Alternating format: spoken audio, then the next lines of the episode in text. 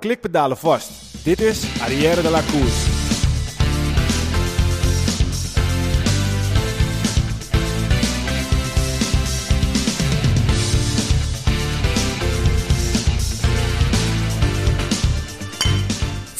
Arrière de la Course wordt mede mogelijk gemaakt door Koerspret. www.koerspret.nl Dames en heren, jongens en meisjes, welkom bij onze podcast over wielrennen Arrière de la Course. De komende podcast gaat over wielrennen, besproken vanuit het oogpunt van drie wielergekken die alles volgen vanaf de bank, dicht voor de tv. Vandaag aflevering 80, ik ben Michiel Beemster. Hey Wilco, ik uh, mis de bruidsjurken. Ja, gek eigenlijk, hè? Ja. Zit, zitten gewoon op een andere locatie. Moesten er ook even voor maar rijden. het is ook maar- een beetje een, eh, een heel ander gevoel. Normaal Ja. doen we meestal op maandagavond.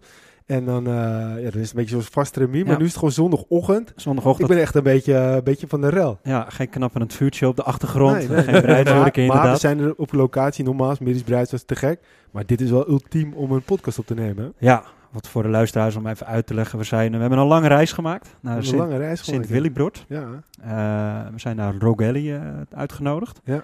Ja, en we kijken hier tegen een hele mooie oude fiets aan Ja, van en wat voor een? Ja, wat voor een.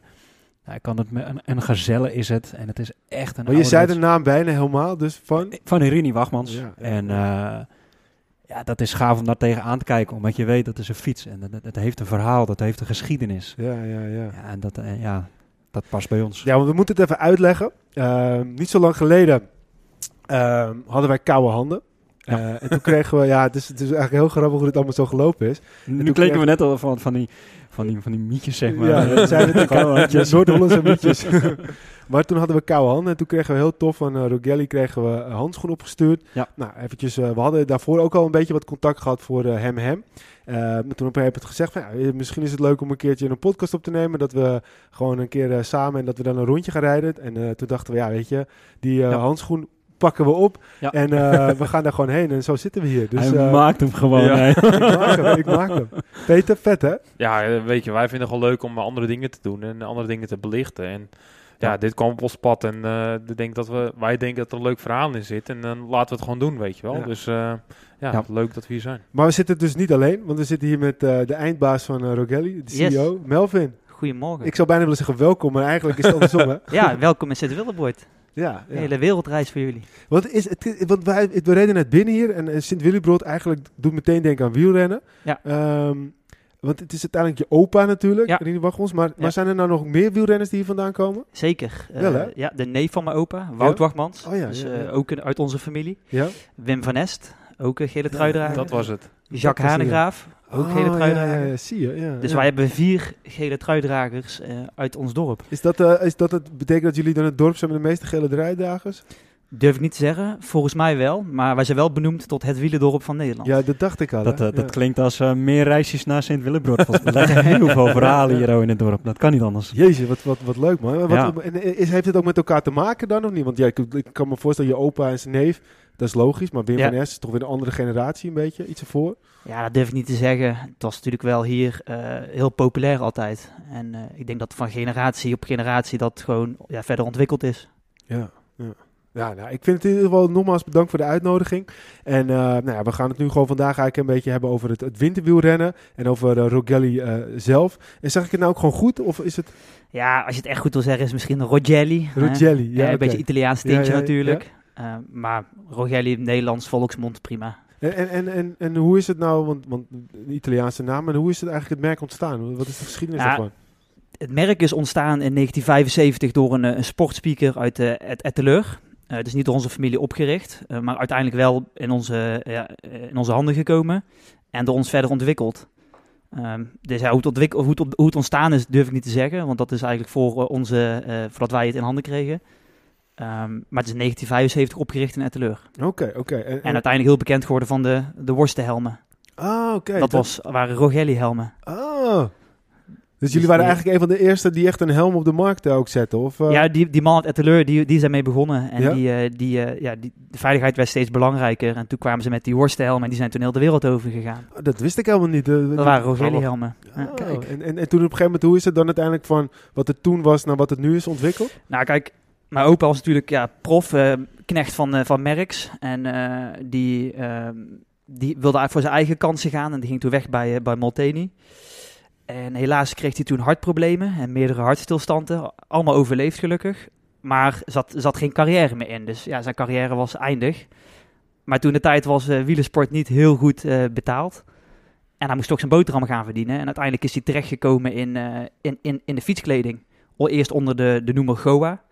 Eh, Goa-kleding. En uiteindelijk eh, is hij bij een, eh, bij een faillissementopkoop... is Rogelli helaas twee keer toen de tijd failliet gegaan. En toen kon hij al het inventaris en de merkrechten opkopen. En zijn ze verder gegaan onder de naam Rogelli in 1992 was volgens mij. Ja, want, want ik, eh, ik, op een gegeven moment heb ik het ook eventjes natuurlijk eh, destijds ook eh, opgezocht. Want, want jullie zitten niet, het is best wel ook verdeeld over de wereld, toch? Als ik ja, het goed zag. ja, zeker, zeker. We zijn internationaal zijn we. Maar.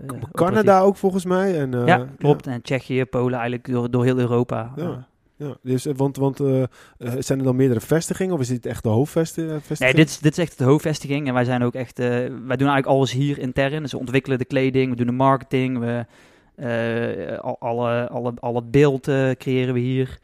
En eh, wij hebben partners in het buitenland die dan ons merk verder verdelen. Oké. Of we verkopen het zelf in het buitenland. Lijkt me echt te gek om te doen, Wilco. Zeker. Als je dan, eh, als je dan op zo'n, in het wielendorp van Nederland, eh, tussen, tussen al dit soort spullen, want je ziet ook, het is ook een beetje een museumpje als ik, eh, als ik het zo een Ja, dit, mag... eh, wat je hier voor je ziet is echt eh, eh, de, de klein museumpje met ook echt een echte gele trui. En eh, dat is ook al een grappig verhaal hè, eh, En die is van geweest? Van? van mijn opa, ja, Oh, van. Rini. Rini heeft de, de, het, eh, de, dat is de wielrenner die het allerkortste de gele trui heeft aangehad. Oké. Ja, dat was een, eh, eh, was een, een, een proef, een etappe met een dag. Ik, hoe zou ik het uitleggen? Eén dag met drie etappes, drie korte etappes. En het kwam zo uit dat in een massasprint mijn opa Rini net voor Merckx terecht kwam. En Merckx had die tour de droom om van de eerste dag tot de laatste dag in de gele trui te fietsen. Maar helaas door die massasprint was mijn opa eerder en die kreeg toen de gele trui. En dat was op de eerste etappe van die dag. En toen de tweede etappe heeft hij zelf terug laten zakken. Dus heeft hij iets van 90 kilometer de gele trui gehad en daarna had Merckx hem weer. Oh, iets, oh, ja, zo. en, het, en de tussentijd is natuurlijk ook heel kort geweest, maar een paar uurtjes voor de volgende etappe. Dus Ja, ja, ja. inderdaad, dat is dan heel kort geweest. Ja, dus dat was Echt, al... eh, Voor de mensen die, die, die, die kunnen het uiteraard niet zien. Het is nog een, echt zo'n zo'n stoffen trui met Ja, zo'n stiksel. eh, waar Molteni eh akkoord op staat. Het is eh, van Le Coq Sportief zeker, eh, Ja. als je dat zo ziet. Eh, met, met en het grappige is ook linksboven, dat was vroeger ook een trui. Dat is Ja? de, de combinatietrui, die bestaat Ah. inmiddels niet meer. dat, die, dat is ook wel, wel een tijdje de, de, blokje, de blokjes, eh, fameuze blokjestrui geweest, hè? Ja. Die op een gegeven moment, eh, dat is toch dezelfde, dan het combinatieklassement? Of, eh, ja, ja. Die, die mensen zien het natuurlijk niet, maar dat is die met de zwart-wit. eh, en die is later ook de fameuze trui eh, van wat Rooks ook nog wel heeft gewonnen in Teunissen. Ja. Met al die verschillende kleurtjes en bolletjes en dingetjes van al die truien. Dus Ja, dat is wel, wel weer mooi om te zien hoe dat dan ook zich weer ontwikkelt. Ehm, Misschien is het wel leuk om straks een foto van te maken. ja, dat kunnen zien kunnen we zeker naar even kijken. in de show notes eh, straks wel neerzetten eh, hoe dat eruit ziet. Met de fiets ook de voorsprong. Nou, het is echt eh, fantastisch. En dit gebouw ook waar jullie nu zitten, ehm, dat, dat gaan jullie wel uiteindelijk verlaten, hè? Want het Ja, is midden in het volgend dorp. jaar. Ja. En, en waar, waar- waar gaan jullie dan naartoe? We gaan naar Breda toe. Dus we gaan wel het wielendorp verlaten helaas. Oké, dan- Eh, onze roots en geschiedenis blijven natuurlijk wel hier. Maar ehm, ja, we maken gewoon verdere stappen met ons merk. ja. En daar, eh, ja, daar is ook deze stap voor nodig. En, en je kan ook wel zeggen, het gaat goed. Ja, zeker. Ik denk eh, dat de, de nare eh, periode van corona ook voor sommige branches heel positief zijn geweest. Ook voor het buitensporten natuurlijk. Ja, En heel veel mensen hebben gewoon de fiets opgepakt. Dus dat is voor onze sport natuurlijk een hele mooie ontwikkeling. ja. En ja, daar hebben wij ja, we- dat hebben we gemerkt. En, en wat is een beetje dan, dan jullie, jullie toekomst, is jullie missie voor de komende periode? Onze missie, ik, wij willen voornamelijk gewoon, en dat proberen we ook met, met deze campagne, te, waar we het straks over gaan hebben, te bereiken, is, is mensen inspireren en motiveren om gewoon te genieten van de sport en, van- en van sporten aan zich. En eh, Ja. daar heel bewust van te zijn. En eh, dat voor, is voor ons het allerbelangrijkste. En uiteindelijk willen we ja, verder doorgroeien in Europa. Oké, en, en, en hoe kan je dat een beetje nu zien? Zo, hoe, hoe, wie is dan bijvoorbeeld, jullie zijn natuurlijk niet de marktleider, maar is dat dan de ambitie dat jullie dat willen worden? Of is het gewoon meer g- gewoon goed meedoen en, en steeds verder groeien? Ja, marktleider vind ik moeilijk te zeggen. Ehm, wij willen gewoon zoveel mogelijk mensen bereiken en, en, en zorgen dat ze, als ze gaan sporten, daar gewoon heel erg van genieten. Ja, precies. Dat vinden we het allerbelangrijkste. Precies. En dat is ook een mooi bruggetje volgens mij, want eh, het is inmiddels natuurlijk nu, as we speak, zitten we hier, moet ik het even goed zeggen, het is vandaag 14 november uit mijn hoofd hè. Dat eh, klopt helemaal. De winter eh, is, is natuurlijk begonnen. En eh, wat het ook zo mooi maakt, en dat is ook het leuke met de knipoog naar de handschoenen. wielrennen wordt vaak gezien natuurlijk als een sport die je doet bij lekker weer. wat je doet als, het zonnetje schijnt. We kennen natuurlijk wel het veldrijden, het mountainbiken, maar het, echt het wegwielrennen zelf doe je niet zo snel de winter. En nu hebben jullie een campagne opgezet, Embrace the Winter. ik ben wel benieuwd waarom juist die campagne. Ja, nou, wat je precies zegt. eh, Ik denk dat je in de winter juist heel mooi kan fietsen. En eh, dat het heel vaak gewoon heel lekker weer is om naar buiten te gaan. En het, eh, het wedstrijdsporten, dat gaat, dat al door. Het veldrijden, het mountainbiken. Ehm, maar heel veel mensen die haken af in de winter. En het is hartstikke prachtig om, om in de winter buiten te fietsen. Dus daar, daar wilden we meer mee doen. En ook onder het motto dat we mensen willen inspireren en motiveren om te genieten en plezier te hebben in de sport. Vonden we dit een heel mooie combinatie om dit eh, ja, naar buiten te dragen. Ja, precies, precies. En eh, jullie hebben ook eh, een, een fantastisch verhaal daarbij neergezet van Frank Heijnen. Ja. Dat was de Ode aan de Winterwielrennen. Ja. Ik vond het echt prachtig. Voor de mensen die dat niet gehoord hebben ge- of, of gekeken, nou, ga dat zeker nog even beluisteren. Misschien kunt u ook eventjes in de show notes erbij zetten. En ehm, iedereen heeft ook wel een beetje daar, daar zo zijn gevoel bij. Ik ben namelijk ook wel benieuwd, Peter. Eh, jij bent hier eh, de ex-pro. Eh, wat vond je altijd van het fietsen in de winter? Die ging altijd naar Australië en lekker warm. Ja, dat is, dat is waar. Je- was er helemaal niet natuurlijk. ja, nee, ik, als beroepsrenner, dan zoek je natuurlijk wel op de plekken waar je goed kan trainen. Maar eh, zeker de winter vond ik niet, lekker, niet slecht om te fietsen in Nederland. Kijk, soms, eh, ik zou altijd... eh, kijk, er zitten natuurlijk hier in de kleding dinges, maar ik zeg, ja, slecht weer bestaat niet, maar slechte kleding wel. En dat zeggen meer beroepsrenners natuurlijk, dus ik heb het ook van iemand anders overgenomen. Dus ik was ook altijd wel bezig om daar naartoe te zoeken. En ja, de mooie dagen vond ik eigenlijk meer vijf, meer zes. En dat zonnetje erbij was en een beetje lichte vorst. Kurk droog. Dat vond ik het Wind- lekkerste. En Windstil. windstil, dat vond ik eigenlijk misschien wel lekkerder dan, dan 6, 17 graden. Dat je Ja. net niet weet wat je wel of niet aan moet. Kijk, de dagen dat het 2, 3 graden is en dat het regent of de weg zeiknat is. Ja, dat is eh, voor een beroepsrenner cruciaal. Maar dan splitter ik mijn dag gewoon in twee. Dus dan zorg ik dat ik 's ochtends dan twee op de home trainer ging en 's middags naar buiten. Of 's ochtends op buiten, 's middags op de home trainer. Ja, en dan deed ik eh regen over schoenen aan en dan kreeg je na een uur even goed wel koud. Maar ja, dan bekortte ik mijn training gewoon in. Dan was ik even goed buiten geweest en voelde ik ook gewoon fit en fris. Ja, maar die ritten van eh 6, 7 uur met meer 5, meer 6, dat vond ik fantastisch. Ja. Ik heb er zo ook wel echt wel een mooie, mooie, mooie herinnering aan. Een van de eerste keren dat ik eh, in de winter fietsen. Wat was uiteindelijk een hel, maar ik zal even uitleggen waarom. Ik had op een gegeven moment, eh, ik voetbalde altijd, last van mijn knieën. Dus ik ben op een gegeven moment wat meer gaan fietsen. Maatje van mij, die had ook nog wel, eh, zijn vader had een fiets voor me liggen. En op een gegeven moment, ja, met de zomer veel gefietst. En toen op een gegeven moment werd het winter. Echt natuurlijk koud. En eigenlijk moet ik eerst zeggen, het werd herfst en het wordt nat. En ik, als ik ergens een hekel aan heb, is het gewoon als het, als, het, als, als het een beetje nat is op de weg. Maar bij ons heb je ook wel een agrarisch gebied. Dus dan ligt er vaak een beetje blubber ook. En dan wordt het Ja. echt gewoon zo'n glijpartij. Helemaal goor. En dat, dat vind ik dus helemaal niks. En dat merkte ik toen al. Dat, dit is niks voor mij. Op een gegeven moment het winter. En die vader eh, van een maatje mij die zegt... Kom, we gaan een rondje doen. Dus ik dacht, oké, weet je, het is voor mij nu meer vijf buiten. eh, we gaan het proberen. Maar ik had gewoon één pakkie. En ik had dus geen beenstukken. Ik had helemaal niks. dus ik dacht, nou weet je, het wordt vanzelf wel warm. Bij voetbalgedachte is, ga je ook gewoon in de winter Ja, in je ja. korte broek. Dus ik ging fietsen. Nou, ik heb het toch op een tijdje koud gehad, jongen. Ja. Het was echt niet normaal. Maar ik dacht wel, nou ja, weet je, het is wel heel lekker. Want het is gewoon kurkdroog. Eh, je, je, je- ik moet hier me op kunnen kleden. Nou, de volgende keer dacht ik, nou, ik eh, laat me die kern, dus beenstukken, warme kleding aan. Alleen nog steeds één ding, echt, ik had een ontzettend koude zak, om het zo maar te zeggen. Toen zei hij ook gewoon heel, heel simpel, van, je moet er een washandje bij doen. Ja, Ja, en dat soort kleine dingen, weet je wel. En nu, als ik in de winter fiets en ik ga een eh, grote, grote ronde doen, dan vind ik het soms wel lekkerder dan in de, in de zomer eigenlijk. ja. Want in de zomer, ja, je kan je best wel, je hebt veel water nodig, eh, je verbrandt veel. In de winter, je kan je er lekker op kleden. En Ja. eigenlijk is er niks lekkers dan een kurkdroge omgeving, best wel koud en dan eigenlijk een beetje in je eigen holletje Ja. op Ja. die fiets zitten. Ik, ja, ik vind het echt heerlijk. Ja, het, gro- het grote verschil vind ik eigenlijk tussen de zomer en- en de winter is... en Kijk, als, je, als het zomer is, dan staat je fietsje in de scheur. En eh, oh, het is mooi weer, ik ga een rondje. Je trekt je shirtje en je broekje aan en je gaat weg. Maar als het winter is, ja, dan ga je nooit eventjes... Ik ga even fietsen, ik trek mijn pakje aan. Je kijkt altijd even, wat is het weer? Eh, hoe moet je je bandjes doen? Eh, gaat het misschien regenen? Hoe hard waait het? De hele aanloop ernaartoe... Ja, ik persoonlijk vind dat eigenlijk het mooiste de, de aanloop ernaartoe, het, het, het klaarzetten, het aankleden, het dag van tevoren al je voeding klaarzetten, omdat je toch even meer nodig hebt. Ja, precies. Dat vind ik eigenlijk het mooiste van in de winter. Je hebt veel meer beleving van je. Het is niet alleen het rondje fietsen, het is gewoon een totaalpakket wat je Ja. beleeft in de winterfietsen. Ja, en het is ook gewoon als je dan op een gegeven moment echt zo'n zo'n hele koude ronde hebt gemaakt, je wordt gewoon lekker rozig, weet je wel. Dus Ja. je hebt de rest van de dag echt zo'n gevoel dat je op de bank zit. ja. Heel je- voldaan. ja, echt gewoon niet Ja. normaal. We hebben wel eigenlijk Peter, toen Peter nog prof was, dat vertelde hij het ook vaak. En ik neem, ga nu even jouw woorden gebruiken. Dan had hij een, een training gedaan of, of een strandrace in de ochtend. En dan eigenlijk eh, ging hij 's middags nog even het veld rijden kijken. Maar dan haalde hij nooit het einde van de uitzending. Want dan inge- ingedoezeld worden. Nou, tegenwoordig heb je kinderen, dan wordt het wat Ja. moeilijk. Dan word je wel aan je ogen Mag je blij zijn als je een keer op de bank kan liggen. Ja. Maar zo verwoord ik het wel goed. ja, ja, zeker. Het is helemaal waar. En ik dat, daarom zeg ik van de wintertraining voor mij was soms wel beter dan de zomertraining. Ja. En met vliegen en muggen en zo had ik altijd scheid de hekel aan. Dus ja, de winter heb je die niet. Dat was top. Maar ik heb ook die hele transitie doorgemaakt. Wat jij zei, washandje, eh je broek. Ja, dat heb ik ook dat niet dat gedaan. Maar ik had dan bijvoorbeeld eh, van mijn oma een hele oude zeem. Gewoon zo'n zeem waar je de, de ramen mee lap eigenlijk. Niet een zeem in je broek. Ja. En die spelde ik dan op mijn ondershirt. En op een gegeven moment was het 2007, 2008. Ja, dat was dan een soort van windprotector onder mijn jack. En dan later, ik weet dat 2010, toen kwamen voor mij voor shirts van Kraft of zo, eh, die dan op een gegeven moment hadden zo'n windprotector. En die kwamen Hmm. ermee, ja. Dat was natuurlijk top. En dan scheelde weer een, een, een jackie erbuiten. Op een gegeven moment had ik drie, vier jackies aan. En ja, op een gegeven moment, ik weet nog wel dat, eh, op een gegeven moment kregen we jackies van Gabba, van Castelli. Die kwamen toen door eh, Gabriel Ras, die kwam ermee. Ja, wij wisten niet hoe gauw we die dingen moesten hebben. Ja, Want dat was, het scheelde twee, drie jacken aan in de winter. Nou, Ja. zo, hetzelfde winterbroeken. Ik weet nog bij, eh, op een gegeven moment het laatste jaar bij Aquablue kregen we speciale winterbroeken.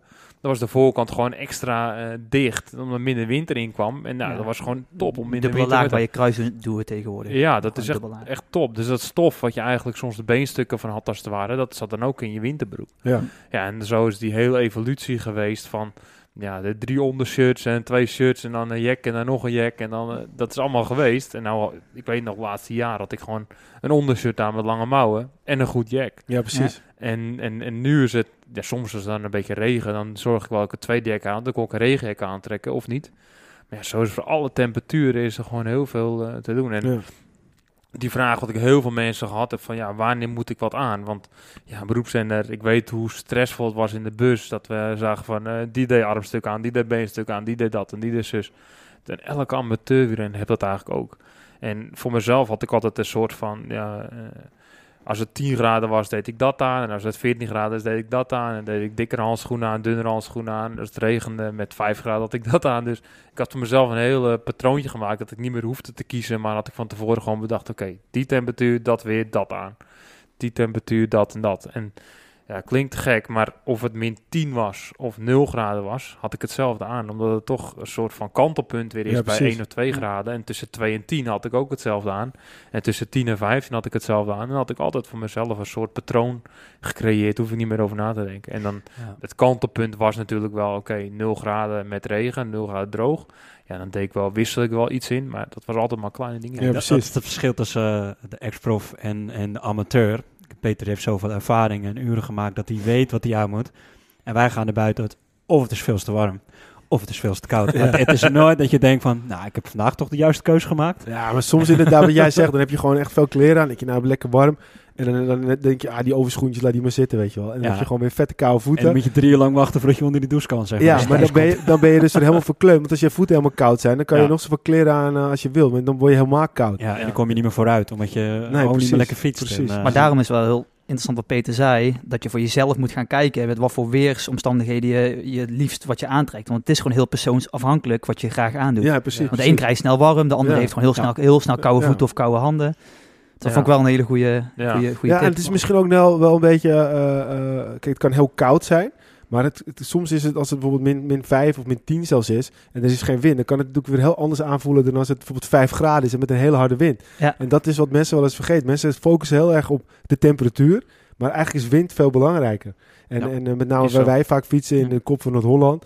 Ja, dan heb je wel eens gewoon zo'n vieze snijdende wind... en dan, dan denk je, goh, god, wat is het? Het is gewoon bolkoud. Ja, en, da- en daarom zei ik net ook eigenlijk die hele beleving ervoor. Ja, dat is eigenlijk ook de belangrijkste stap die je moet zetten. En hoe vaker je fietst, hoe meer je er ook mee gaat bezighouden. En Ja, hoe precies. beter je het voor elkaar hebt. Ja.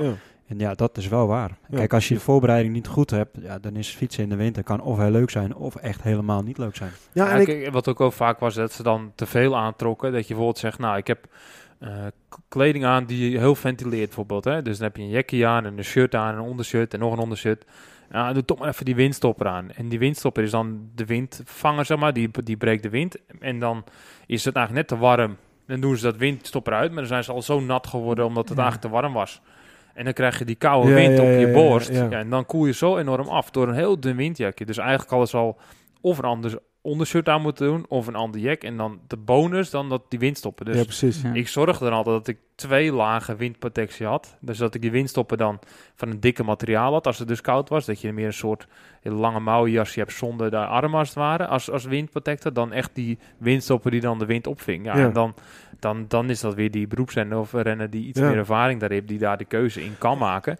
Maar ja, dan zien ze, oh, dat moet ik ook hebben. En dan eh, hebben ze dat. Dus ja, het was wel, wel, wel, groot verschil. Ja, precies. En dat kan dan maar een heel klein beetje verschil maken. Maar ja, dat, dat maakt er zoveel meer comfort. Ja, maar zelfs een profrenner gaat nog wel eens in de fout. Want als je bijvoorbeeld, eh, dit is 2021, dit jaar was wel relatief normaal qua de kalender. Ja. Maar 2020 was natuurlijk een raar jaar. Toen was bij spreken nu pas de Vuelta afgelopen.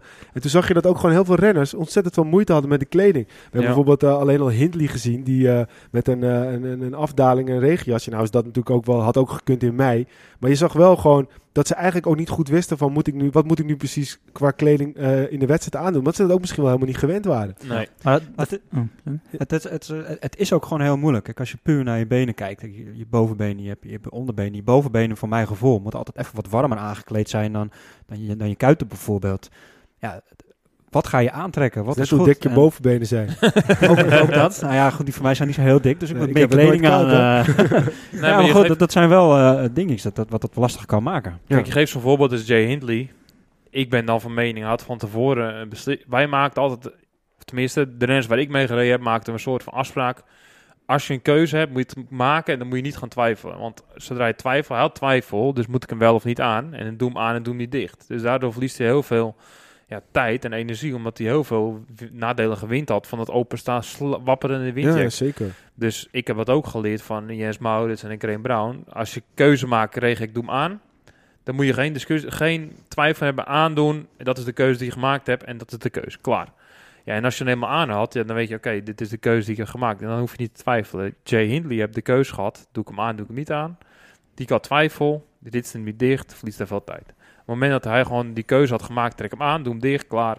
Dat is de keuze die ik maak, dat is het. Ja, precies. Wat mij, wat mij ook wel opvalt, kijk, de regenjacks zijn tegenwoordig van ook steeds beter materiaal steeds elastischer, want je wilt natuurlijk niet dat het gaat wapperen. Ja, Maar het nadeel daarvan is, om het aan te trekken, het zit zo strak dat je ook zoveel spanning op die, op die jacks moet zetten om aan de onderkant het, eh, het ritje dicht te krijgen. ja En is zo. dat, dat zag ik ook met, eh, in, in dat geval waar je net omschreef, dat dat, dat, dat, dat best moeilijk is. Ja. En, Maar dan hebben- dus, en nog hebben koude die- vingers het- waarschijnlijk, of eh, die vingers hebben- waren misschien een beetje verkrampt. Ja, dan maakt ja, het en dan nog zo strak en dan, Ja. eh, o- o- voor mij ging het ook omhoog nog toen. eh, ja, en regen en wind en dan Ja. koude handen inderdaad. Dan moet je maar Precies. net met, die strak, met dat strak regenjekje moet je Ja. maar Hij had aankrijgen. waarschijnlijk meer tijdwinst gehad, had hij gewoon even gestopt. En, Nou, maar je zag het ook aan Kelman. Die kreeg dus de rit niet dicht. Maar wij vroegen ons toen ook af. En ik vraag, misschien hebben jullie dat ook wel. Dat je gewoon bij spreken klittenband eh, in zo'n regio. Is dat er ook nu? Of, eh? Ja, dat is wel moeilijk. Kijk, Ja? klittenband, dat gaat natuurlijk... mm, Die regenjacks hebben allemaal waterdichte ritsen. Dus Ja, daar, ja, daar ja. gaat geen water doorheen. Een klittenband gaat zo het water doorheen. Ja, precies, precies. Ja, precies. ik weet wel, we hebben het nou over klittenband toevallig. Ik heb dan eh, jaren gehad bij, eh, bij Draapak. Toen lieten we alle regenjacks ommaken met een klittenband erin op verzoek van Crane Brown. Dus we hadden dan de Gabba's. Dat was gewoon de eerste keuze. En dan de tweede keuze was een jack met een rits. Maar als er dan echt ging vriezen, bijvoorbeeld, die gaan starten in een etappe. Het is 8, 9 graden. En na twee begint te regenen. En de temperatuur zakt zo hard dat je eigenlijk niet meer de juiste kleding hebt. Dan hadden we een soort noodregenjack als het ware. Die deed je dan als je handen zo verkleund waren, zeg je een eh, emergency jacket. En dan kreeg Ja. je dat jack. En dan zat de klittenband erin, hup, en die ja, vouwde die precies, dicht. ja. Maar het nadeel is van de beroepsrenners ten opzichte van de, van de particulieren, zeg maar, dan kon gewoon de normale recreant. Ja, wij deden die jack één of twee keer aan en zat die vol met zand en eh, troep en rotzooi. Want ja, met regen heb je ook troep. Ja, en dat klittenband niet meer zo goed plakt eigenlijk wat het zou moeten doen. Dus dat is helemaal eigenlijk een discussie wat voor een, voor een tourfietser, die kan even stoppen, zijn regen deze rits en klaar. Ja, precies, precies. Maar ja, wij konden niet stoppen, omdat je handen zo verkleund zijn eigenlijk, dat je ja, door de regen en kou kan bijna geen enkel handschoen tegenop als het helemaal doorweekt is. En het houdt wel een paar uur vol, maar op een gegeven moment, ja, dan word je toch koud. Je lichaam wordt koud en daarom is iedereen dus ook wel verkleund over de finish komen. Maar ja, we hadden dat er ook om dan, als je over de finish komt, dat je rugners moest laten zien. En dan, dan trok je aan de klittenband, dus scheurde je maar zwaar open. Dan had je geen boete omdat je dan ja, weer precies, eh, de precies, finish precies. overkwam. Ja, precies. Kijk, en dat is natuurlijk ook, als het heel Dat is regent, is ook natuurlijk wel het verschil. eh, dan wil je ook inderdaad dat je hem goed dicht hebt. Maar als het gewoon echt een beetje kou Ja, is, dan maakt het ook niet zo heel veel uit Kijk, natuurlijk. en dan, we hadden op een gegeven moment neopreen handschoenen. En dan, ja, dan ging op een gegeven moment net als een surfpak effect. Hè, dat je dan water tussen je vinger en je, en, en ja, ja, ja, wat, wat over... Ja, Dan ja, warmde het weer op. Ja, ja, ja, en dan eh, had je soms eerst... eh, uur, een uur lang warme vingers. En dan was het een beetje door het zweet was het zo nat dat je weer koude handen kreeg. En dan een half uur later kreeg je weer warme handen. Ja. Maar ja, als dat dan weer met min 10 was, ja, dan, dan wordt het ook niet meer warm omdat het zo koud is. Dan trok ik ze liever uit en deed ik dan echt winterhandschoenen aan. Of dat je vingers tegen elkaar aan zitten. Ja, dan was dat weer lekkerder. Ja, maar ja, dan, die werden weer helemaal zeiknat. En deze weer uit. weer Ja, is, het is ook moeilijk. Ik ben wel benieuwd, wat is jou eigenlijk jouw ultieme wintertocht geweest? Boah, ik heb er veel gehad. Ik, eh, ik, heb, ik heb altijd heel erg genoten van de sneeuw. Dus eh, ja, op de mountainbike eh, met 10, 20 centimeter sneeuw. Dat vond ik fantastisch. En ik weet nog wel dat ik dan belofte was. En ja, mijn heb ik al vaker verteld. Ik had altijd het idee dat ik meer moest doen dan een ander. Dus die dagen dat het heel slecht weer was of veel sneeuw. Denk je, ja, als, als ik nou vijf uur ga fietsen en die ander doet dat niet, dan eh, word ik beter. Dus ik deed altijd wel vijf, zes uur met zoveel sneeuw. Maar dan maakte ik voor mezelf leuk. En dan eh, ging ik twee fietsen. Dan ging ik naar huis, deed ik een droog uh, thermojack aan, een droog shirt aan, een nieuwe handschoenen. En dan ging ik weer. En dan knopte ik een vuilniszak om mijn schoenen heen, omdat er zoveel water van sneeuw kwam. En dan tapte ik het dicht. En dan ging ik weer verder. En ja, dat was voor mij altijd wel een stukje magisch. En dan ging ik wel bij ons over de ringvaart, 20 kilometer over het ijs fietsen en zo, weet je wel. En dan ja, pakte ik daar weer een stuk mee. En ja, dat was toch mij wel altijd wel wat ik echt heel... Ook wel echt over het ijs. ook ja, ging over het ijs heen. En Gaaf, eigenlijk gevaarlijk, maar eh, ja, wij vonden dat wel Je ultiem. bent jong en je doet wat. Ja, maar ja, ik dacht dat ik dat nodig had. En achteraf gezien heb ik daar, als ik nu terugdenk, zal ik daar niet veel gewonnen hebben. Zal ik op andere dingen meer gehad hebben. Maar ik heb wel een hele mooie herinnering van Ja, dat ik dat heel erg Dit is tof wel je vond. mooiste rit ooit dus. Ja, dat vond ik wel echt tof. En- En die van jou, Melvin? Oef, vind ik een hele moeilijke vraag. Ja? Eh, ik, ik haalde, ik haal, ik, vooral vorige week nog, ik haalde het geluk uit de kleine dingetjes. En ik vind ook in de herfst fietsen met alle, alle kleuren en dan de, de, de bomen die er mooi bij staan, de zonnetje die er doorheen komt. eh, dat, dat, vind, dat vind ik prachtig. En eh, ik heb niet echt één rit die eruit springt, maar gewoon de, de, de omstandigheden die er zijn in, in de herfst en winter, dat vind ik gewoon prachtig. Ja. Want, want we hebben het wel een beetje gehad over, eh, over de geschiedenis van jouw familie. Maar heb je Ja. zelf eigenlijk een beetje gekoerst? Want je hebt natuurlijk wel echt eh, ultiem wielenbloed. Ja, ja, dat maakt het misschien ook eh, wat moeilijker. Ja, ik heb heel kort gekoerst in, eh, in mijn jongere jaren. En dat was eigenlijk net voordat ik eh, een, eh, een groeispurt kreeg. Ik was nog wat kleiner en wat, wat voller. Ja. En dat maakte voor mij ook wat moeilijker om, eh, om mee te komen. Dus ik kon eh, ja, een beetje achterin mee in het peloton. In het peloton. Ehm, en, en eigenlijk toen besloot ik van ja, ik train vier keer per week, hè, twee koers per weekend. Dat lukt allemaal net niet. Soms kon ik wel mee. Ja, ik heb er eigenlijk niet zo zin in. Ja, ja, ja, ja. En toen ben ik eigenlijk ermee gestopt. En toen kreeg ik mijn groeispurt en werd ik eigenlijk eh, heel lang en dun. Ja, Ja, en dat was eigenlijk wel iets beter postuur om, eh, om mee te kunnen. ja, ja, ja. En toen ben ik eigenlijk ook gestopt. Ehm, Wat was je meer een klimmer of een sprinter of een uh, ja, ik denk wel gewoon eh, allround? ja, meer een stoemper. Stoemper. Ja. Kijk, Klink, dat klinkt past ook weer mooi bij de winter, hè? Als je, als je lichaam dan eindelijk het moment heeft gehaald dat je het juiste lichaam hebt, dan ga je stoppen. ja, dat, daarvoor was natuurlijk al gestopt. Dus Ja, ik stopte en, en toen het jaren daar doorheen ontwikkelde mijn lichaam, zeg maar. Ja. Maar goed, ja, dingen lopen zoals ze lopen. En, en daar vind ik ook knap bij zo'n Mathieu van der Poel. Want die koerste bij mij ook altijd. In het, eh, die, die deed heel het peloton op, een- op een rondje zetten. In, eh, in, eh, Is In eentje. Spijkenisse kan ik me wel herinneren. Dat toen fietste hij ook in, in, in onze categorie. Ja, eh, ja, ja, die reed ja. iedereen op een hoop. Toen al. Ehm, dat hij, als je zo'n naam hebt, het wel, wel even doet. Ja, precies. Ja, dat kan ik me wel voorstellen. Het is natuurlijk wel een grote last eh, die je misschien ook wel draagt. Ja, of bij andere sporten. En in, bij een Formule 1 eh, met de vader die ook al eh, het hoogste niveau heeft gezeten. En dat je dan als, als nakomeling even doet, vind ik altijd heel knap. eh. Maar het is wel weer mooi dat je op een andere manier dan toch die, eh die eh familie-dynasty eh, doorzet door de, door de, door de ja, kleding. Ja, zeker. Ja, ons bedrijf is ook, wij zijn inmiddels, ik doe het samen met mijn broer dan de derde generatie. Ja. Ja, het is echt een familiebedrijf en ook uit de sportwereld. ja, dat is wel, is wel heel, heel tof om te doen. Ja. En heb je dan ook, want dat vraag ik me wel eens af, dan als je een familiebedrijf hebt, zijn er dan ook dan de mensen die voor je werken, is dat dan ook weer eh, vaak ook weer met een beetje een familiaire band, of is dat dan ook bewust gewoon extern gezocht? Of zijn het wel gewoon, hou je het wel echt een beetje close, om het zo maar te zeggen? Nou, nou, ik denk dat er wel een, een familiesfeer hangt binnen het bedrijf. Ehm, maar we zijn niet op zoek naar echt speciaal mensen uit onze familie. Of, Nee, maar niet uit de, de stre- omgeving, het, dat is niet per se... eh, Nou ja, we zoeken voornamelijk mensen die, die bij ons merk passen en geloven in wat wij willen met ons merk. Dat, Ja, dat, dat is het allerbelangrijkste. Eh, dat, dat, dat, dat iedereen die bij ons werkt gelooft in waar we mee bezig zijn. Ja. Ja, en ik ben ook wel benieuwd. Peter vertelt net eigenlijk uh, als zijn ervaring als prof wat hij, uh, wat hij uh, altijd dan qua kleding aandoet. Nou, jij weet volgens mij natuurlijk als geen ander als, als de eindbaas van Rogelli van wat mensen tegenwoordig qua kleding aan moeten doen. Stel, ik ga fietsen, het is een beetje min 5, het is droog. Wat zou je me aanraden om aan te trekken? Ja, dat is dus altijd heel lastig, want het, we hadden net al een beetje over, het is zo persoonsafhankelijk van wat je graag aandoet. Ja. Ehm, maar ik zou voornamelijk kijken naar wat jij zelf als persoon nodig hebt. En inderdaad met lagen te werken en, en voor jezelf te bepalen wat je in welke omstandigheid, omstandigheid nodig hebt.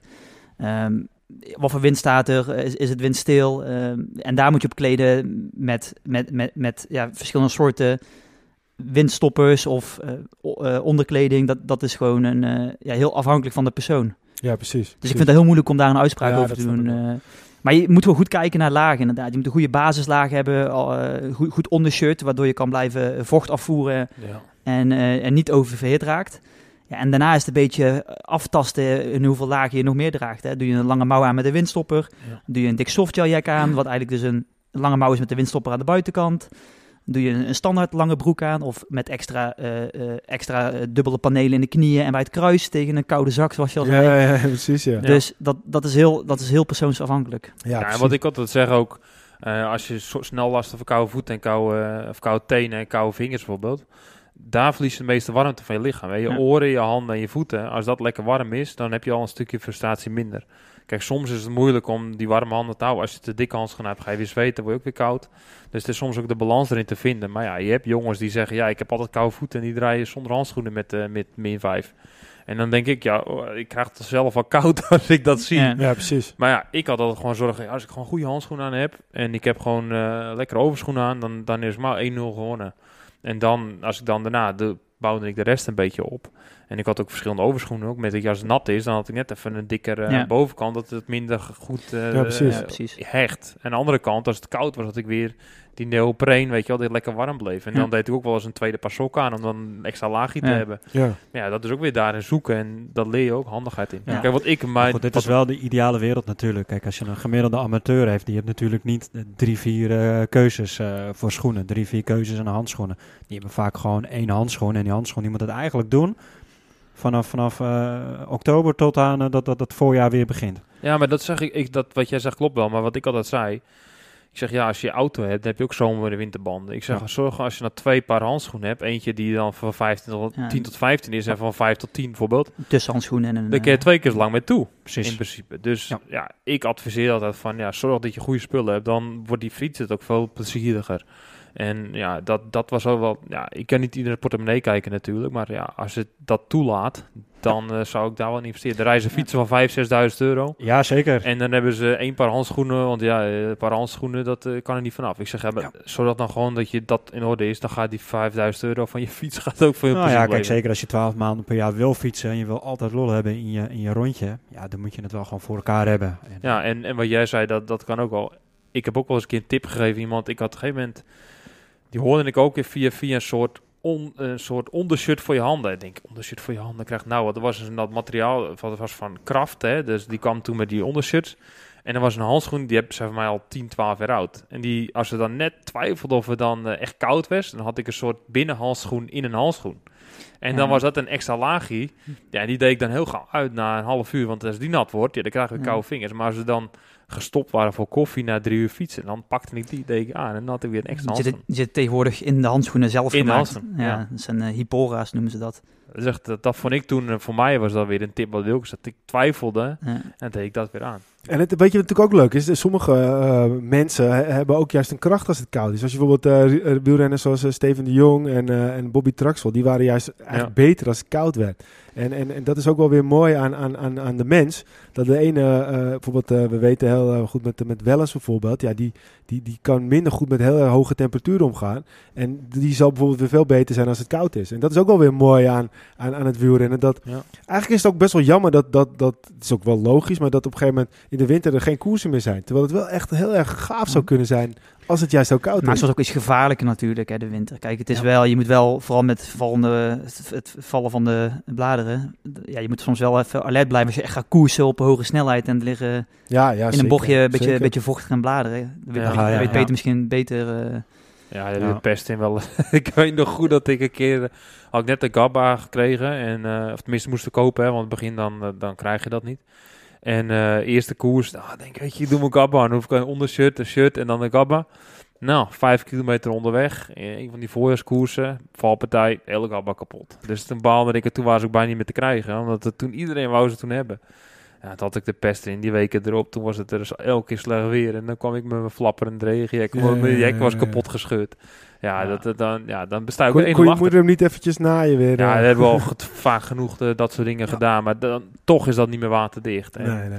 Dat zit er dan weer in je hoofd. Weet je, wel, Ja. hier uh, Williebord, ik heb dorp om op Rup eh, meerdere keren gereden. Nou ja, was blij als de eerste waaier was. Maar als je dan zo'n wapperend windjack hebt in de regen, dan Ja. eh, was ik niet blij. Hoor. niet alles. Het, het is eigenlijk ook zonde om niet in de winter te gaan rijden. Kijk, als je bijvoorbeeld gewoon puur naar de liefhebber kijkt. Nou, dan begin je in, eh, in het voorjaar begin je met fietsen. En je gaat op een gegeven moment een bepaald niveau opbouwen. En op een gegeven moment is het in oktober. En dan zeg je tegen je maat, nou, ik fiets nou toch lekker. Ik heb nou toch een eh, snelheid te pakken. Ja, die heb je natuurlijk opgebouwd. En dan stop je. Dan zet je je fiets in de schuur en dan stop je. Eigenlijk moet je er natuurlijk in de winter doorrijden. Want volgens mij in de winter ga je nog een betere basis opbouwen ook. Omdat je twee Ja. keer zwart moet werken om, eh, om vooruit te komen. Ja. En dan ben je in, in het voorjaar nog sterker. Wat natuurlijk wel is, is natuurlijk ook wel een hele andere beweging. Als je kijkt naar onze campagne van het naar buiten gaan, is natuurlijk het ja, binnentrainen, het zwiften en het indoor fietsen is natuurlijk ook echt de laatste paar jaren booming. Zeker. Maar dat is ook Dus- prima om ernaast te doen. Door de week, als zeker. het donker is, dan is het prima om buiten of van binnen even op Zwift te gaan. Zeker, alleen je mist buiten zoveel mooie dingen als je, als je binnen, wat binnentrainen is natuurlijk ook hartstikke prima. Maar Ja. ja. het is ook goed voor de mensen om, om buiten te zijn in de winter. Ik moet toch wel zeggen, die, Zwift, ik heb het ook een tijd gedaan, helemaal aan het begin van de corona. Ja, ik weet het niet. Ik, ik vind het toch ook wel echt. eh, soms, ik, het is, ik vind het best wel ook vaak heel saai hoor. En je hebt wel wat Ja, voor maar- je. Ik bedoel, ik, er gaat gewoon niks eh, tegen eh buitenfietsen op. Ja, maar je, kijk, in de winter is het natuurlijk eh, al vroeg donker. S'avonds is het dus donker. Eh, je moet ervan houden om in het donker te rijden, want in het donker zie je niks. Dus ja, dan gaat het zo? stuk... Ja, als, je goede, als je goede licht hebt, dan, dan zie je wel... Nee, maar goed, je, je, je- het, het genieten op de fiets wordt gewoon minder eh, s s'avonds. Dan is Zwift er wel een prima oplossing Ja, natuurlijk. natuurlijk. Maar het gaat, Alleen in de weekenden, ja, is het zonde als het uh, als het buiten ook Ja, gewoon ik ben wel is. benieuwd. Die Zwift zal natuurlijk steeds groeien, groeien, groeien. Maar ik ben wel benieuwd. Ik zou die cijfers wel eens willen zien. Het is gigantisch omhoog gegaan. Ik ben wel benieuwd hoe het, of het gestabiliseerd heeft of het juist weer wat terug heeft gelopen. Maakt verder rest ook helemaal niet uit. Ja, maar de, laatste jaren qua beschikbaarheid is er niks beschikbaar geweest op de markt eh, qua thuistrainen. Ja, ja, Wat ja, uit, de, uit, uit de markt ja. horen, alles is continu uitverkocht ja, geweest. ja, klopt. klopt. Maar ja, anderzijds, ik doe dat wel vaak in de winter. Dat is, eh, als ik dan bijvoorbeeld geen tijd heb gehad, maar er is wel een toffe veldrit op televisie. Dan ga ik gewoon even zwiften tijdens die veldrit. Dus Ja. ik- en ik kan een veldrit kijken en ik kan even een uur Ja, maar ik vind het ook niet verkeerd. Precies. En dan uh, thuis zijn ze dan blij. en dan, uh, oké, dus je, in plaats van dat je gaat fietsen en daarna koers gaat kijken, ga je het gewoon koppelen. En dan, ja, dat is win-win. Uh, Punten Ja, maar- gescoord. Precies. maar, maar dat is ook zo. Alleen er gaat natuurlijk niks. Er is niks moois dan buiten fietsen. Absoluut. En als dat kan, en dat, dat is misschien ook wel een mooi 100%. bruggetje. Want eh, ehm, het NK Gravel eh, is ook echt weer Ja. zo'n zo'n zo'n zo'n ontwikkeling die naar Nederland is gegaan. En dan zit er toevallig iemand eh, rechts naast me die heeft meegedaan. maar eh, het was even een korte duur, hè? Oh, man, houd toch op. ik was Wat is het weer... toch altijd met jou, man? Kijk voor de samenvatting even uh, op de NOS. Ja, Ja. ja precies. Ja, nee, goed, we gingen het uh, NK Gravel de eerste keer en ehm, ik stond met een paar ploegmaatjes van, van ons team aan de start. Met Van Koerswet Beach Bastards en ehm, ja, we hadden zin om mee te doen voor de, voor de, voor de prijzen. Dan met Tibor Zwaan en uh, Ramses Bekking, die dan een soort van schaduwkopman bij ons is. En uh, ja, we hadden echt goed voorbereid, warm gereden, banden nog gewisseld vlak voor de start. Dus we, we zagen enkel gravel verwacht je, zand, gravel, grind. En hier en daar een asfaltstuk om die dingen uit elkaar te verbinden. Maar ja, het was meer natte uh, grasvelden met blubber en bagger dan dat het eigenlijk gravel was. Dus het was meer semi-veldrit Veldrit, met ja. gravel ertussenin en een paar stukken asfalt dan dat het echt gravel was. Dus ja, wij snel banden gewisseld, snel warm rijden gedaan. Ja, het bleek heel gauw na twee ronden dat er zoveel bagger en blubber was, dat eigenlijk die hele ketting, ja, de cassette liep vol, de voorblad liep vol en iedereen met eigenlijk met SRAM, uh, die had een probleem met schakelen. En waarom? Die ketting liep zo vol met, met, met ja, het was meer drekachtig dan blubber. Het was het heel dik, uh, ja, moet ik het uitleggen, een beetje zand, zand modderen door elkaar heen. Dat het zo vol liep dat de die ketting eraf gooide. Ja, en wij hadden maar één voorblad zonder voordeur. Dus dan moest je afstappen en hem erop leggen. Terwijl die anderen die met de racefiets waren of een andere fiets met een voordeur, die kon hem weer erop schakelen. Dus we waren echt goed in nadeel. En ja, mijn liep zo vol na twee, drie rondes dat ik moest stoppen. En toevallig stond de NOS vol in beeld. en toen probeerde ik weer op te leggen en met een beetje met geweld erop te trappen. Maar Ja. ja mijn ketting die, ja, was zo naar de klote. Maar, maar, maar zijn er de laatste, ik heb gewoon bijna het idee dat de laatste twee jaar er gewoon geen één koers is geweest die jij gereden waar je niet geen pech had. of het nu een, uh, dan versturen we Peter een appje, want de strandis kan je nog steeds niet live volgen, is jammer. Hoek van Ja. Holland, uh, uh, Den Helder was net geweest. Vragen we Peter, nee, ik had uh, weer, weer pannen. Ja, Dus ik had geen materiaal Ja. mij. Het, was dan, het is best wel technisch, hè, het standrace ook af en toe. Dus ik had meer een verkeerd spoor gekozen tijdens Hoek van Holland en Helder. Eh er was heel slecht strand van de win- westenwind. En ja, daardoor kwam ik een paar keer in een spoor terecht waar je dan... Ja, eh, iemand maakt een foutje en die hele waaier die schuift dan als het ware op. En als je dan achter in die waaier zit, ja, dan heb je gewoon een soort van pech. En eh, ja, dat, daar overkwam mij twee keer. En iedereen heeft wel wat tijdens zo'n race. En ik had op precies het verkeerde moment twee keer dat ik dan op afstand kwam. Ja, bij het NK Gravel, ik denk dat minstens de helft van de renners eh, stilgestaan heb in dat baggerstuk. Omdat het gewoon eh, ja, vol liep. En ja, bijvoorbeeld Ivar Slik ook, die ging ook op zijn kloten. Die was ook daardoor een soort van kansloos voor de, voor de titel. En eh Tibor Zwanen geloof ik zes, zeven keer langs de kant gestaan met problemen met zijn fiets. Maar ja, uiteindelijk had iedereen het, waardoor hij even goed nog achtste kon worden. En ja, ik kon niet meer verder, omdat ik hem niet meer erop kreeg. Maar ja, andere jongens, eh bijvoorbeeld Ramses, die werd tiende met een gebroken eh, eh, vooras in zijn wiel. Dus die wiel die zat gewoon los in zijn fiets die rondes lang. Ja, ik had zelf niet doorgereden, omdat ik wel wat geef Ja. van mijn eigen lichaam. Maar ja, Ramses is eigenlijk in die zin zo extreem dat hij denkt, ja, tot ik val rijd ik door. En eh, maar ja, zo heeft iedereen wel wat meegemaakt. Behalve Volker Wessels. ja, die, die hadden dus voor, voor de 2-3. start, voor de start hadden ze, hun hadden eigenlijk een wegfiets. We hadden bewust gekozen voor onze strandfiets dat we een 44 mm band in konden zetten met een noppie. Mocht geval baggerig worden, nou dat werd er dus snel banden gewisseld. Hun hadden een, een racefiets waar ze eigenlijk een bredere voorband in hadden en een iets smallere achterband. Geen, hadden ze dan een gravelbike of een racefiets? Een racefiets, dus eh, hun hadden dus voor iets breder. En dat was geluk, want er was best wel veel asfalt. Dus hun trokken gelijk boven de 50 km per uur. Ja, en dan verlies je heel gauw op een gravelfiets afstand. Dus in de eerste ronde hadden ze afgesproken, we starten op de eerste lijn. We geven vol gas. We gaan daardoor gelijk weer iedereen te elimineren aan het begin. En dan gaan we zo hard rijden dat we weer dat team aan over te houden. Nou, dat was bij hun geluk. Dus op dat stuk waar het baggerig was en gravelig was... Ja, daar gingen ze op elkaar wachten met z'n drietjes. Nou, dan heb je Tijmen IJsing, een oud-wereldkampioen veldrijden. Die, die kan op elke fiets bij wijze van spreken door zo'n baggerstuk heen. Koen van Melvoort, die dan eh, een sprinter is... die gewoon zoveel absolute vermogen heeft... dat het ook niet uitmaakt wat voor soort ondergrond het is. Dat op het strand is hij daar ook heel veel in het voordeel... de technische stukken. Als hij zoveel vermogen kan leveren. Maar, Ja, maar dan die je gozer is toch ook gewoon een bizar goede renner. Ja, allemaal, Als hij ook gewoon, die, die vermeld wordt ook, die wint dan weer zo'n strandrace. eh, nou, nou, niet dit jaar misschien nog niet, maar die gast, die, die, die, is, dat, die is toch gewoon supergoed. Ja, maar daarom heb je ook bij de Wilto gezeten een paar jaar. Maar ik snap wel eens niet waarom hij niet, weer- niet opgepikt is daarna. Want als je ziet ook dit soort dingetjes, hij rijdt gewoon heel, alle profs eraf bij Ja, is zo. Dat is zeker. Maar hij hij heeft ook bij Roomboot gezeten en bij Jumbo gezeten. Tenminste, de voorlopers van Jumbo. Rabobank. En uiteindelijk, ja, op een of andere manier wordt nou- valt hij net buiten de boot. Maar Ivo Slik net zo. En het Time IJsing bijvoorbeeld. Ik heb altijd gedacht, want ik weet nog zo goed toen ik in 2005 kwam. Toen was categorie bij de jeugd. En eh, die jongen die heel groot naast me aan de stad stond. Time IJsing. Mooie fiets, mooie spullen, mooie wielen. Won alles. En die is eigenlijk nooit dat stapje kunnen maken naar de bloedzenders. Hij werd wel wereldkampioen bij de junioren op het veld rijden. Bij de belofte was hij goed voor die tweede en derde. En ja, altijd keek ik tegen hem op. Maar uiteindelijk heb hij nooit die stap kunnen maken naar de beroeps op de weg. Terwijl ik wel altijd gedacht had van, ja, als iemand prof wordt, wordt hij het. En eh, ja, nu wint hij de eerste NK Gravel, omdat hij gewoon zo handig is. Maakt de jongens daar een verschil. Konden ze op elkaar wachten en het tussenstuk konden ze gas geven. Dus dat was de beste tactiek achteraf. Ja, en wij hadden gewoon daarin een stukje pech. Dat wij gewoon ja, niet het goede materiaal hadden gekozen van tevoren. Want, maar mijn wegfiets was ook niet geschikt voor geweest, want ik heb geen schijfremmen. Dus het was ook type frame waar dat weer het beste voor was. Ja. Ja, Ja, het het grappige was- is, vind ik wel, wat ik nu hoor, is dat het, het- wat Volker Wessels heeft eigenlijk als slechte reclame gedaan voor de gravelfiets. Ze rijden met een normale fiets, met een Ja, mogelijkheid om ja. Ja, ja, is zo, bandjes tussen ja. te zetten. Ja, waarom zou je Ja, godsnaam maar een als, gravelfiets je, kopen? als je heel eerlijk bent, moet je dit...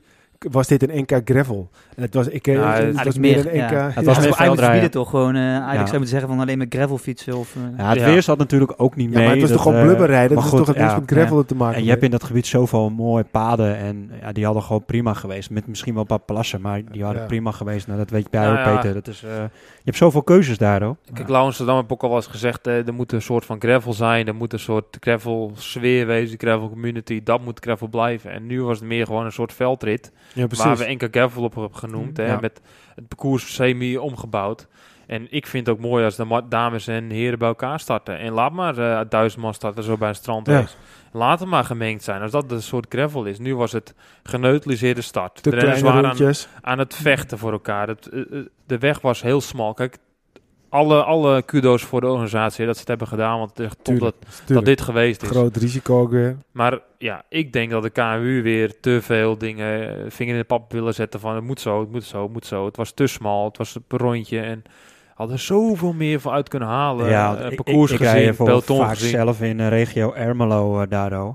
En daar kunnen ze gewoon een, eh, een heel gaaf rondje uitzetten Ja, van... misschien eh, te 10, veel eh, single track, toch? Nou, hoeft Nee, dat nee, niet. nee. Het zijn gewoon Ja. allemaal, allemaal Ja. gravelpaden. Misschien mooie natuurgebieden, en, dat ze daar niet mogen rijden of Het is zo. natuurlijk Overigens ook een tip voor iedereen om daar in de winter te rijden. Als je toch lekker in de winter wil rijden. Het is echt heerlijk daar hoor. Maar als je nog goed NK gravel wil doen, dan moet je meer die hoek kan opzoeken. Want je kan zoveel mooie paden heb je daar. Dan heb je helemaal geen weilanden nodig. heb je gewoon alleen maar gravel. Precies, laat ik zo zeggen. Het was top dat het er was. Het is goed voor de gravel community. Maar het had tekort met gravel echt Ja. gravel gedacht te maken. Gravel is ook een soort van terug naar de natuur. Hè? Lekker fietsen, Ja. geen snelheid. Naar de finish met z'n allen een biertje doen. Of eh, weet je wel, even Ja. bij de Andere, vuurkorf. andere vraag eh, aansluitend op jouw NK gravel. We hebben het de hele tijd over kleding gehad. Als jij een wedstrijd doet in de winter, Ja. wat voor kleding trek je dan aan? ja, nou kijk, dat... Dat kon je zien bij de NOS. Ja, ik- Ja, hij stond wel een beetje gebukt. Dus je zag alleen eh, zijn broek, maar ik zag, de rest zagen we niet. nou, wat, wat, kijk, bijvoorbeeld de strandrace, hè, doen wij veel in de winter. En Ja. nou was het NK Gravel. Waar wij waren van tevoren wel uit. En Gravel gaat een soort strandrace zijn. We gaan starten. De eerste ronde gaat knijten, knijten hard. En daarna is het gewoon een race naar de finish. Dus er zit geen moment van rustig in. Dus dan kun je ook daar weer op voorbereiden. Dus wat ik had gedaan, ik had alleen maar snelpak aan en een ondershirt. Want het was 10 graden. Dus Ja. je hoeft niet warm te blijven. Maar bij een strandrace, ja, dan is het hetzelfde. Als het een uur lang koers is en het is 10 graden, doe ik alleen maar lange mouw snelpak aan, omdat het snel is. Ah, want je wil aerodynamisch voordeel hebben. Doe ik een ondershirt aan om dat toch iets dikker eh, eh, bovenlichaam te hebben. Maar ja, zodra het 5, 6 graden is, ja, dan ga ik alweer keuze maken van, hey, doe ik een windstopper aan, ja of nee? Doe ik een ondershirt aan met een extra beschermde windstopperlaag, dat ik niet meer dat wapperende windstopper heb om Ja. aerodynamisch voordeel te hebben. Precies. Met het gevolg dat ik mezelf kan opblazen, dat ik te veel zweet, te veel vochtverlies. Te veel is weer prestatieverlies, hè, dus wedstrijd technisch gezien. En dan doe ik wel of niet beenstuk aan. Plus mijn overschoenen doe ik dan, eh, als we door de zee moeten. Ik weet, oké, we hebben een rondje waar we een paar keer door een mui heen moeten. Ja, ik krijg natte voeten. Doe ik dan eh, dikke overschoenen aan, omdat het iets warmer is. Of doe ik velotozen aan, bijvoorbeeld van die rubberen ballonnen. Dat ik weer geen natte tenen krijg. Hè? Dus, of doe ik merino wol sokken aan of geen wollen sokken. Dat soort keuzes Precies. Ga je, heb je ook weer. Eh, heb ik dan weer handschoenen voor de regen. Doe ik een beetje warmer. Veel keuzes. Heel veel keuzes. En daar ook is er weer die stress ook weer daarin. En, Ja. Maar het NK Gravel, dan wil je eigenlijk zo min mogelijk, want alles wordt nat. Dus ja, nat is zwaar en zwaar is weer een aerodynamica verlies. En je wordt niet koud bij 10 graden. En zelfs bij 0, 0 tot 3 graden, als het zonnetje is, ja, dan ben ik wel zo soms eigenwijs om helemaal niks warms aan te trekken. Omdat je dan toch Ja. warm blijft. En, en, en gewoon eh, terugkijkend op het NK, is het voor herhaling vatbaar op deze manier? Nou, kijk, eh, dat, een, dat er iets voor gravel georganiseerd wordt, zeker. Eh gravel gedachten. Eh, nogmaals, kudos voor de organisatie. Ik ben blij dat ze het hebben nee, georganiseerd. dat is duidelijk. Dat is Maar duidelijk. de gravel gedachte van saamhorigheid, eh, terug naar de natuur, na afloop met z'n allen een biertje drinken, of warme chocomel bij het kamp, whatever. Dat zou ik toejuichen. Mannen en vrouwen bij elkaar. Eh, ja, tuurlijk ga je dan versnipperde uitslagen krijgen als ze elkaar gaan helpen. Maar als het maar lang genoeg is, is het toch een wedstrijd voor zich. Ja. En nu was het gewoon eigenlijk in die zin te lang om het een mooie koers te maken in de 140, 120 kilometer. Maar ook weer te kort om het gravel idee te hebben. Dus laat maar 250 kilometer koersen. Is het saai?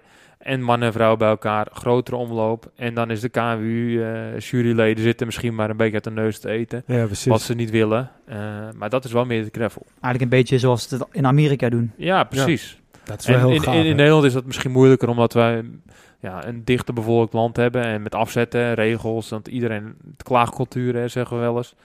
Maar ja, ook daarin eh, dan moet je dan maar zeggen van nou, dan maken we een soort van open eh, NK gravel en maken we gewoon het idee van Ja. dat het een NK is. En dan, dan weer voor de, Ja. voor de algemene gravel. Want je kan ook Ja. nu niet meedoen als, eh, als gewoon eh, amateur, toch? Ama- Ja, nou, je kan je wel, maar- inschrijven, maar dan moet je wel licentie hebben. Je kan niet het gewoon als, als een Nee. prestatie toch doen. Het was heel gauw volgeboekt en eh, allemaal... Dat, dat zou wel moeten in de toekomst. ja, het was, het was te kort. Ik heb liever een strandrace. Hoeveel deden er mee eigenlijk? Ja, 250 max. En dan was wel een tour. Mannen en vrouwen. Ja, en vrouwen eh, losse van editie van elkaar. Dus vrouwen was een los 500. peloton. Maar neem het strandracen. Wat is juist het, het geniale van het strandracen? We hebben wel eens 2000 man aan de start. In Egmond per Egmond. Iedereen die daar komt vindt het tof dat Tom Dumoulin aan de start staat. Ja, je kun je een wedstrijd rijden met Tom Dumoulin. Of met de Nederland van Je Baal. ziet hem de hele wedstrijd niet, maar goed. Nee, je zat helemaal achteraan, maar goed. Het verhaal als je maandag op kantoor komt is juist zo tof. Van hé, hey, luister, Ja. ik heb met Dumoulin een wedstrijd gereden. Ja, precies. en dat is Ja. toch kicken als je dat kan zeggen. En dan met gravel moet zo. ook groeien. Zo, eh, Dat is ook zo. Maar dat is gewoon van tevoren in mijn ogen een gemiste kans. Ja. Maar goed, sowieso nogmaals, eh, organisatie eh, een, een 10 qua, Ja, zeker. qua dat ze het aandurven. Ja. Eh, er zijn nog hier en daar wat verbeterpunten, maar dat is ook logisch. Ja.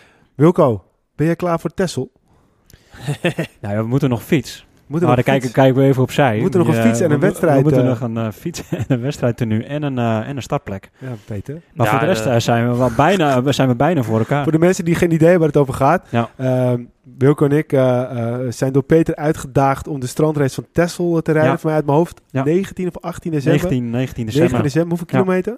Eh poh, dan vraag je een goede vraag. Ja, we zijn met Koerspet de hoofdsponsor van het evenement. Dus het is Koerspet Strandrace. Ze staan op de eerste eh. Hoppa. dus ja, die jongens een beetje uitgedaagd om elkaar een keer het onderste uit de kant te halen. Ja. Maar eh, ja, ik denk dat er wel twee fietsen eh, wel mogelijk is om, de, Ja. om, om te regelen voor jullie. En Ja, dan, Maar hoe eh, moeten we daar nou eigenlijk een beetje voor gaan trainen? Want eh, is het, is echt een uur eh, beuken, toch? Minimaal. Ja, het is een uur beuken. Maar goed, eh, je moet heel, we hebben Michel daar verschillende dingen over gehad. En eh, ja, als ik nu ga vertellen, ga je even goed trainen. Voor mij is het veel leuker als die strijd onderling hebben. Wie, is- Wanneer is het? Ja, 19 december. 19 december. Dus als je nog misschien mee wilt doen... eh met. Rogelli- strandrace team. Hey. Ja, het leuke voor ons is, wij rijden eigenlijk alleen maar op de weg. Ik, ik mountainbike ook wel, maar het is geen strandrace. Dus het- we worden uit onze comfortzone getrokken. Het is ook wel iets, iets technisch wat we nooit doen natuurlijk. Dus ja, dat is super gaaf om te doen. En eh, alleen de uitdaging al vind ik gewoon, eh, gewoon echt gaaf om te doen. Ja, nee, ik heb er heel veel zin in. En ik denk dat het eh, conditioneel niet een groot probleem zal worden. Maar het is meer gewoon de, de techniek. We hebben een, een paar aantal weken geleden hebben we een, een training gehad van de Europese kampioen Jeroen van Eck in het, in het mountainbiken. En dan zie je gewoon, je kan nog zo hard willen fietsen, nog zo'n goede conditie. Maar als jij gewoon niet kan sturen, dan kom je helemaal nergens. En als, als, je dat, als je gewoon ziet eh, hoe zand eruit ziet, om het zo maar te zeggen. Ja. Dan kan je je sowieso afvragen, hoe kan je daar in godsnaam doorheen rijden? En helemaal als het wat mulzand is, daar kan Peter alles over vertellen met die sporen. Maar ja, het is gewoon mooi om zo'n uitdaging aan te gaan. En eh, kijk, Wilco en ik zijn eigenlijk eh, eh, van, van, van, van kinds af aan niet altijd eh, hebben we gefietst. Dus wij hebben gewoon een technische achterstand, om het zo maar te zeggen.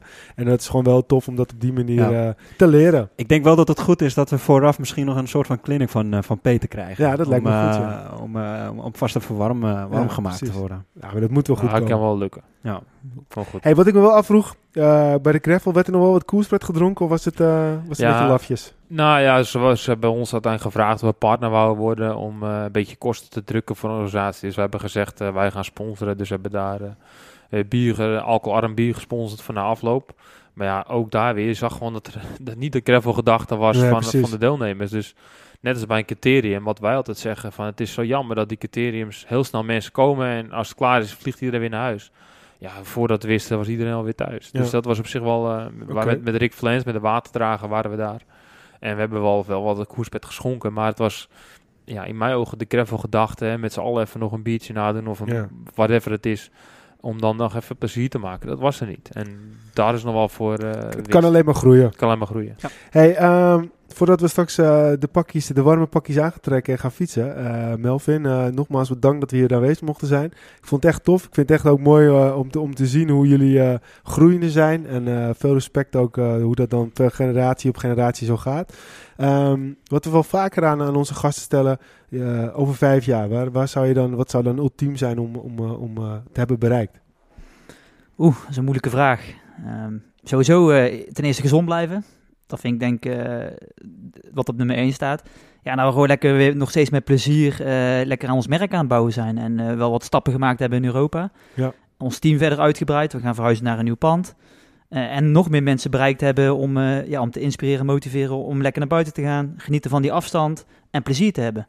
Ja. Dat, eh, dat hoop ik over vijf jaar wel verder Ja, uit te komen over vijf jaar komen we weer terug. Ja, En dan gaan we kijken welkom. of dat dan eh, gehaald is. Zeker. En eh, in de tussentijd, nou ja, goed, eh, mensen kunnen natuurlijk altijd bij de website terecht voor Rogelli. Ja, en op socials. ja, we proberen, wat ik zeg, met inspireren, motiveren en eigenlijk in alles wat we doen over te brengen. Dus ook in al onze uitingen en blogs Ja. die we schrijven en alles. Ja, ja, en dat is wel heel tof. Ga ook, ik wil iedereen oproepen om de Embrace the Winter campagne echt te volgen. Want je ziet niet alleen maar de kleding natuurlijk, maar het zijn juist ook de verhalen van mensen waarom ze het zo leuk vinden. En ik vind het zelf heel inspirerend. Ik vond ook het stuk van Frank Heijnen echt heel tof. En eh, ja, weet je, wat ik altijd met wielrennen heb, je krijgt gewoon echt zin in om die fiets te pakken. En je krijgt gewoon zin in om eh, aan de gang te gaan. En dat is heb ik ook een beetje, wat ik met die NK Gravel, ik bedoel, ja, nogmaals, ik zal echt eh, geen deuk in het bakje boter rijden daar. Maar ik krijg er wel zin van om te fietsen, weet je wel. Ja. En dat is gewoon wat je wil bereiken. Ja, en het is net wat Melvin ook eerder al zei. Nederland heeft zoveel te bieden. eh, voorjaar, najaar, zomer, winter. Ja. Het ziet er altijd anders uit. En Nederland is echt heel mooi.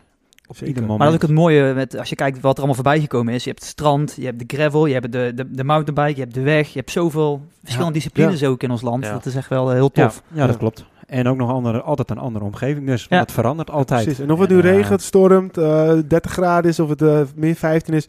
Je kan gewoon altijd fietsen. Ja. Als je maar juist, eh, als je maar juist kleedt. Ja. En als je maar hebt, Peter, en dat is misschien een goede voor jou. En als je het goede materiaal ook hebt, wat niet stuk gaat. nee, dus sorry man, dat is natuurlijk een geintje. Maar Ja, weet je, altijd als jullie het opnoemen, dan heb ik pech gehad. dit, was Ja, wel, dit was wel super toeval. Want gisteravond, het laat was dan, om de nos was dan die samenvatting. En we zitten het NK Strandrijd. En ik zeg tegen mijn vriendin, hé, hey, er staat Peter. Hoe weet je dat het Peter is? Ja, joh, die heeft altijd pech. We weten, ook, we weten echt wel dat je heel veel mooie resultaten hebt neergezet.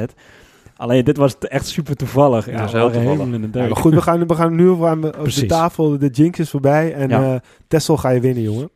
Ja, we, wel als team. We hebben wel Tibor... Alleen eh, jij gaat Ja, ik ga mijn best doen, maar eh, ja, ik, moet, ik, ik train gewoon tekort nu om... eh, ik, ken, ik had niet meegekund met een IJsing en een Van voor die wel gewoon 20 uur trainen. Nee, dat is waar. Dat is dus waar. eh, ja, we hebben net weer vader geworden natuurlijk. Dus het op Goed tijd, een hoop uurtjes in. En je moet echt gewoon tussen de 15 uur en 20 uur trainen eh, om Ja. die mannen te kunnen volgen. Ja, daar kom ik gewoon niet aan.